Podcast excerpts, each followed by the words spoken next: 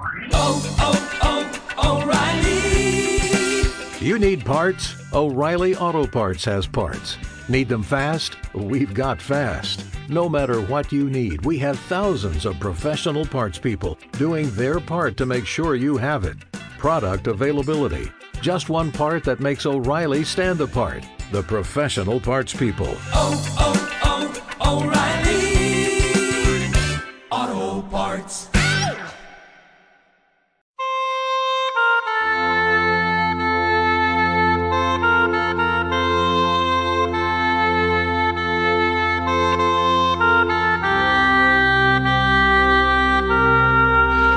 Ola, moi boas tardes, queridos amigos e amigas ointes Benvidos a Todo está nos libros A este programa de divulgación cultural Onde cada vez que nos achegamos Pois a fin de semana ou algún que outro rato de lecer Queremos que aproveite moi ben ese tempo E para nós o mellor xeito de facelo É sempre cun bo libro nas mans Pois nesta tarefa de recomendar lectura, boa lectura, como, como saben, contamos sempre coa colaboura inestimable do Servizo Público das Bibliotecas de Oleiros e hoxe ímonos ao Centro de Documentación da Muller Rosalía de Castro, ímonos á Biblioteca de Santa Cruz porque aló xa outro lado do fío telefónico nos está a agardar a nosa compañeira Ana Pais. Ana, boa tarde, benvida. Hola, moi boas. Bueno, Ana, como sempre, comezamos polos máis novos da casa. Oxe, público infantil ou juvenil? Pois hoxe público infantil, para Ajá. os máis pequerrechiños e pequerrechiñas da casa. E o público máis agradecido. Sempre, sempre. É unha maravilla recomendar para eles porque porque sempre están totalmente receptivos. Pois sí. Mira, eh, propoñolles un título que é Vaguas debaixo da cama de Ana Meilán, con ilustracións de Marta Mayo, e da editorial Entre Nubes e Cuentos, que, por certo, esta editorial é unha creación da propia autora que en un día pois decidiu aventurarse pois no camiño da autoedición, que é un proxecto no que, segundo, a, según a propia Ana Meilán di, dá cabida a todos os seus soños, deixa voar a imaginación e onde todo é posible se crees nelo e o persigues ata o final. Así que isto é un pouco o que lle pasa a, a Simón, que é o protagonista desta historia. Un rapaz que desde que naceu pasáballe pois o que lle pasa a moitas crianzas, non? Que choraba de seguido. Tiña fame, choraba. Tiña sono, choraba. Claro. Caía un xoguete, choraba. Así que todo o mundo, os seus pais, os seus avós, sempre lle dicían o mismo. Simón, es un chorón. E os anos pasaban e Simón medraba, pero seguía a chorar por todo. Había que ir á escola, Simón choraba. Quería un seado, choraba. Había que volver a casa despois do parque, choraba. Por iso todo o mundo, agora xa a mestra e o seu mellor amigo, seguían a dicir, Simón, és un chorón. Así que, pois, eh, Simón un día canso de que todo o mundo lle dicese o mesmo, decidiu que non volvería a chorar diante da xente. Como conseguiu? Pois, cada vez que unha bagua quería sair dos seus ollos, Simón agarraba a siña e metía dentro dun frasco, que pechaba ben e agochaba debaixo da súa cama. Así que a partir dese momento a xente deixou de chamalo chorón. Agora dicíanlle, moi ben, Simón, es un home feito dereito. Esa frase fixo que se decidise a recoller as baguas de todo aquel que chorase. Ah. Simón recollía cun pano cada bagua que veía que estaba a piques de caer dos ollos de algún compañeiro ou de algunha compañeira. Mesmo recollía as dos seus pais, avós, tíos, porque se decatou que, se decatou que tamén a ele se lles asomaba, bueno, pois algunha bagua, non, de vez en cando. Simón recollías todas e gardábase en frascos debaixo da súa cama porque ninguén tiña que ser un chorón ou unha chorona. Pensaba que así o mundo sería moito mellor, con homes feitos e dereitos e con mulleres feitas e dereitas, ou polo menos iso lle dixeran a él unha vez. Pero pouco a pouco foise decatando de que un mundo sen vaguas podería ser problemático. Así que Simón tomou unha decisión, pero se queredes saber o que ocurriría se o mundo se quedase sen vaguas e o que argallou Simón pois a ver, que ler o conto ata o final, non? Por suposto. ademais, claro, ademais vale moito a pena pararse nas ilustracións de Marta Mayo que nos van mostrando o mundo tal e como o ve Simón, que era un mundo pois como máis igualitario sen estereotipos de xénero, non? Así que eh, penso que é un libro moi recomendable para lerlle aos nosos cativos e cativas e que ademais podemos atopar pois nas bibliotecas de Rialeda e de Santa Cruz. Mm -huh. Realé de Santa Cruz, estas Exacto. vaguas baixo a cama. Exacto. Perfecto. Pois temos xa a primeira recomendación xa feita e agora toca o turno ao noso público adulto, a elas e a eles, a ver que lle recomendamos porque ademais eh, tedes aí unha, digamos, unha responsabilidade doble eh, durante esta semana porque vai ser o Día das Bibliotecas que falaremos sí. del e polo tanto tedes que recomendar algo suculento.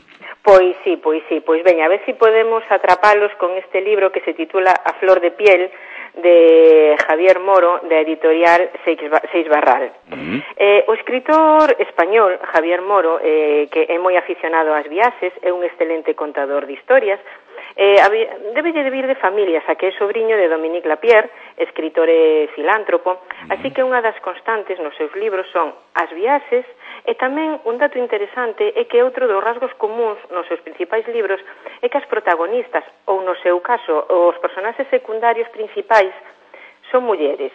Por que vos digo isto? Porque na flor de piel danse estas dúas constantes. Hai unha viaxe, unha expedición humanitaria, no ano 1803, que busca a cura para a entón mortal variola, e a peza fundamental da historia é unha muller, Isabel Zendal, considerada pola OMS como a primeira enfermeira da historia en misión internacional. Poños un pouco en antecedentes. Non sei se vos sona algo eh, o termo este de pandemia. Creo que algo nos sona a todos, non? Agora máis que nunca. Verdad que sí. sí, sí. Bueno, pois a maior pandemia coa que tivo que lidiar o home foi a da variola, uh -huh. porque xa na momia de Rasén II, mira, hasta onde imos, atoparon pegadas da variola. Trátase dun virus antiquísimo, e o último capítulo da batalla do home contra el foi a expedición Balmis, da que fala este libro de Javier Moro. Ah, que saiu daqui a, da Coruña, ademais. Eh, mm. Exacto. A novela reivindica a real expedición da vacina posta en marcha en 1803 durante o reinado de Carlos IV. A ver, obviamente a vitoria da vacina non se acadou rápida e uniformemente. De feito, cando empezou a erradicación sistemática, A variola aínda provocaba moitísimos estragos no mundo. Estímase que tan só durante o ano 1867 10 millóns de persoas sufriron as súas embestidas, 2 millóns das cales faleceron. Sería a finais do século XIX cando se conseguiría dominar e vencer totalmente o azote.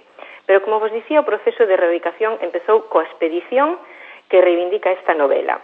A Real Expedición da Vacina parte un 30 de novembro de novembro de 1803, como moi ben decías ti, do porto da Coruña, uh -huh. coa finalidade de levala por todo o reino de Carlos IV, incluídas as colonias de ultramar. A ver, daquela non había os medios de transporte que temos agora, así claro. que como iban facer para manter o virus fresco durante toda a travesía. Estamos falando Claro, de mm. cruzar o Océano Atlántico en barco, tardarían meses en chegar.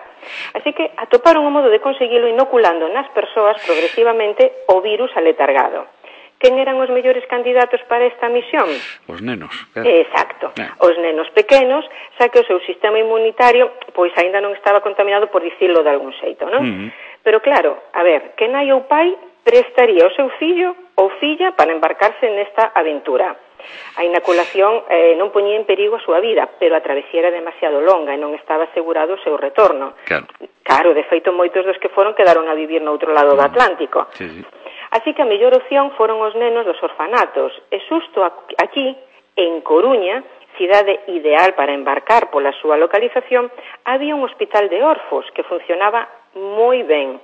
E quen era a súa directora? Pois ni máis ni menos que a galega Isabel Zendal, uh quen accedería a que as crianzas participasen na expedición sempre cando ela tamén embarcase para poder cuidalos. E así foi. A flor de piel transcorre en Coruña, Alicante, Madrid, Puerto Rico, Venezuela, Cuba, México e outros países americanos.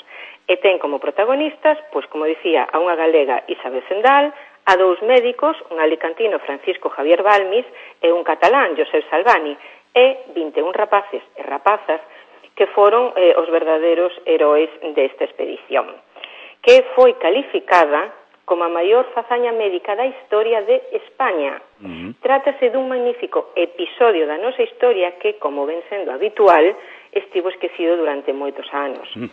Claro, por exemplo, Isabel Zendal, que é a columna vertebral, sen ela non habería nenos e nenas, que son a clave de todo, E, e cando Javier Moro se puso a investigar para o libro, pois apenas se sabía nada certo sobre ela.